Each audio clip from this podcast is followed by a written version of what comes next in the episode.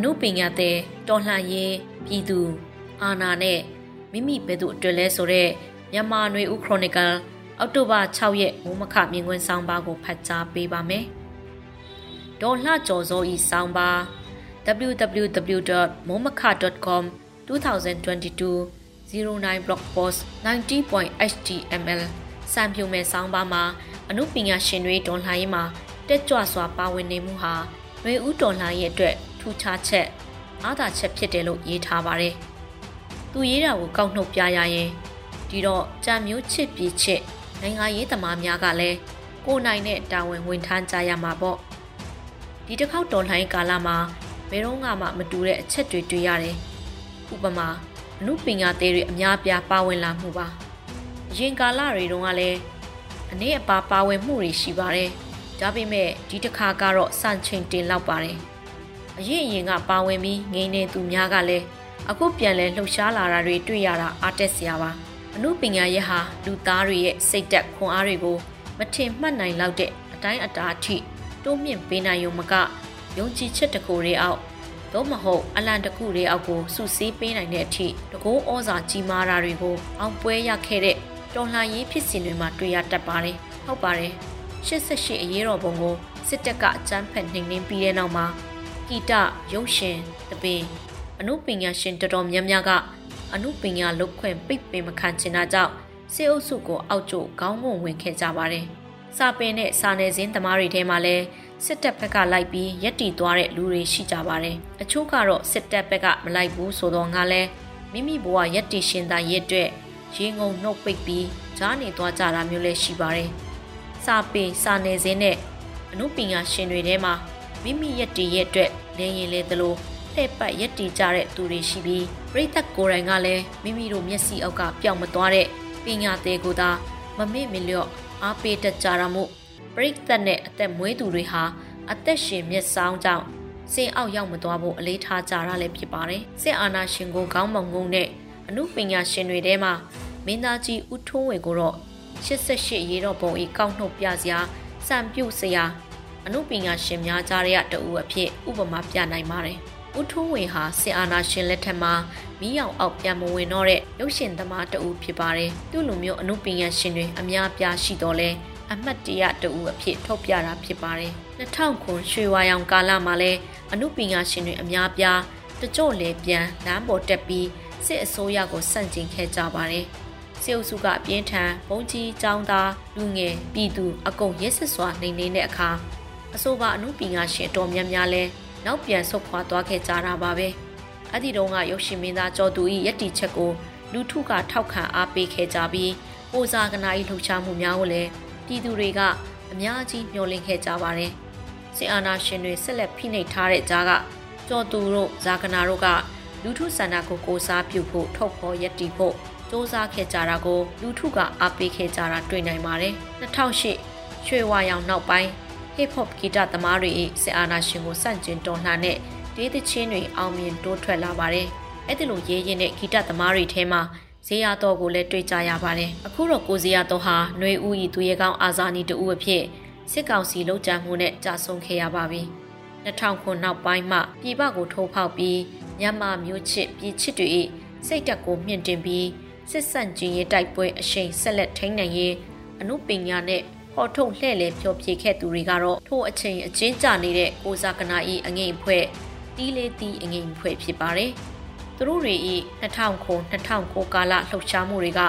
ဝင်းငတ်နေတဲ့လွတ်လပ်မှုကိုစာလောင်နေတဲ့ပြည်တွင်းပြည်ပကပြည်သက်ကိုဩဇာရှိခဲ့ပါတယ်။သို့ပေမဲ့2010ရွေးကောက်ပွဲအကျိုးစစ်အစိုးရခေါင်းဆောင်ဦးသိန်းစိန်၏ဖိတ်ခေါ်မှုလက်ကားမှုတွေနဲ့ ပြည်ပကမြန်မာရေးလှုပ်ရှားသူများအဖွဲ့အစည်းများပြည်တော်ဝင်ပြည်တော်ပြန်ကြချိန်မှာတီးလေးတီးအဖွဲ့လဲပြည်တော်ပြန်သွားခဲ့ကြပါတယ်။အဲ့ဒီမှာတော်လှန်သောအမှုပညာသည်တွေဆိုတာလဲတခါရက်သွားတယ်ဆိုရမှာဖြစ်ပါတယ်2010ရွေးကောက်ပွဲကို NLD မပါဘဲတစ်ဖက်သက်ကျင်းပပြီးနောက်ရွှေရည်စိန်ဒီမိုကရေစီခေတ်ဦးကာလနောက်ပိုင်းမှာစာပေစာနယ်စဉ်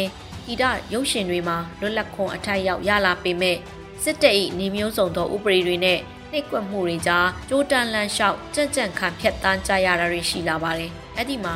88မျိုးဆက်တွေနဲ့နောက်ပိုင်းမျိုးဆက်တွေ၏တွန်လှန်သောအမှုပညာစာပေရည်အသွေးတွေထွန်းတောက်လာကြပါတယ်။ထင်ရှားတဲ့စာရေးဆရာတွေထဲမှာ88မျိုးဆက်မင်းကိုနိုင်နဲ့ဂျင်မီတို့ဟာနှွေဦးတော်လိုင်းမှာဦးဆောင်သူတွေအဖြစ်ပါဝင်လာခဲ့ကြပါတယ်။ကိုဂျင်မီကကိုစီယာတော်နဲ့အတူစစ်ကောင်စီလုံခြံတပ်ဖြတ်မှုနဲ့အာဇာနည်တဦးအဖြစ်ရဲရင်စွာကြဆုံခဲ့ရပါတယ်။ 2010နှစ်ကြားပြည့်ရွေးကောက်ပွဲကစလို့စပေရုပ်ရှင်ဂီတအနုပညာရှင်တွေဟာဒေါ်အောင်ဆန်းစုကြည်အရေးအောင်မှာမြို့ချစ်ပြည်ချစ်ပြိသက်ချစ်တော်တွေအဖြစ်တောက်ကြွားကြမြောက်စားခံကြအတော်ပေါ်ပြူလာဖြစ်လာကြတယ်ဆိုရပါမယ်။စေအုပ်စုနဲ့ဒေါ်အောင်ဆန်းစုကြည်တစ်မြက်နေတဲ့၍သူတို့အနုပညာသည်တွေလည်းဘေးစင်ပေါ်တက်တက်မျက်နှာမငယ်ခဲ့ကြဘူးဆိုရပါမယ်။သို့တော့စစ်တပ်၏စီမင်းခံဒီမိုကရေစီကိုဝေဖန်ထောက်ပြ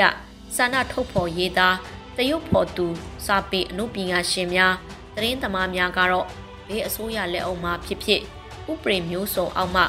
ဖိနှိပ်ချုပ်ချယ်ဖန်ဆီးတားမြစ်ခံရဆဲဖြစ်ခဲ့ကြပါတယ်ဒီလိုနဲ့ရွေဦးတော်လှိုင်းပေါ်ထွန်းလာပြီးတော့စာပေရုပ်ရှင်ဂီတအနုပညာမျိုးစစ်သက်တွေဟာဒီအရေးတော်ပုံမှာတော့ဖြင့်စစ်အာဏာရှင်တွေအရေးအောက်ကိုပြန်မလှည့်စရန်ကြောခိုင်းလိုက်ကြပြီလို့ဆိုရမယ်ထင်ပါတယ်။ရွေဦးကနေ ပြက်ပြက်သားသားရက်တီးပြီးပြိသက်ကြီးကိုပါသူတို့နဲ့အတူအောင်ပွဲစီအထိအတူတူရှောက်ကြဖို့ကိုပါဆွဲဆောင်စီယုံလိုက်နိုင်ကြတယ်လို့ဆိုရပါတယ်။သူတို့ဤစင်မြင့်ကိုလည်းစစ်ကောင်စီမြက်ခင်းပင်ကနေ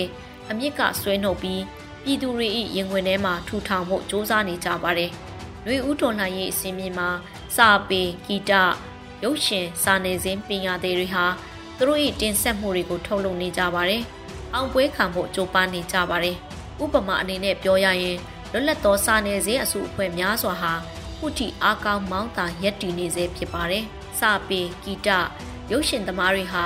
သူတို့အမှုပညာတွေကိုအွန်လိုင်းကနေထုတ်လုပ်တင်ဆက်မှုအဆက်မပြတ်လှုပ်ဆောင်နေကြပါတယ်။ပြည်သက်ကလည်းသူတို့နဲ့တူလိုက်ပါအားပေးနေကြဆဲဖြစ်ပါတယ်။ PPTV လို media platform လိုမျိုးမှာတင်ဆက်နေတဲ့အစီအစဉ်တွေနဲ့အခြား platform တွေကတင်ဆက်နေတာတွေအတော်များများဟာမြန်မာပြည်တွင်းကထွက်လာကြတဲ့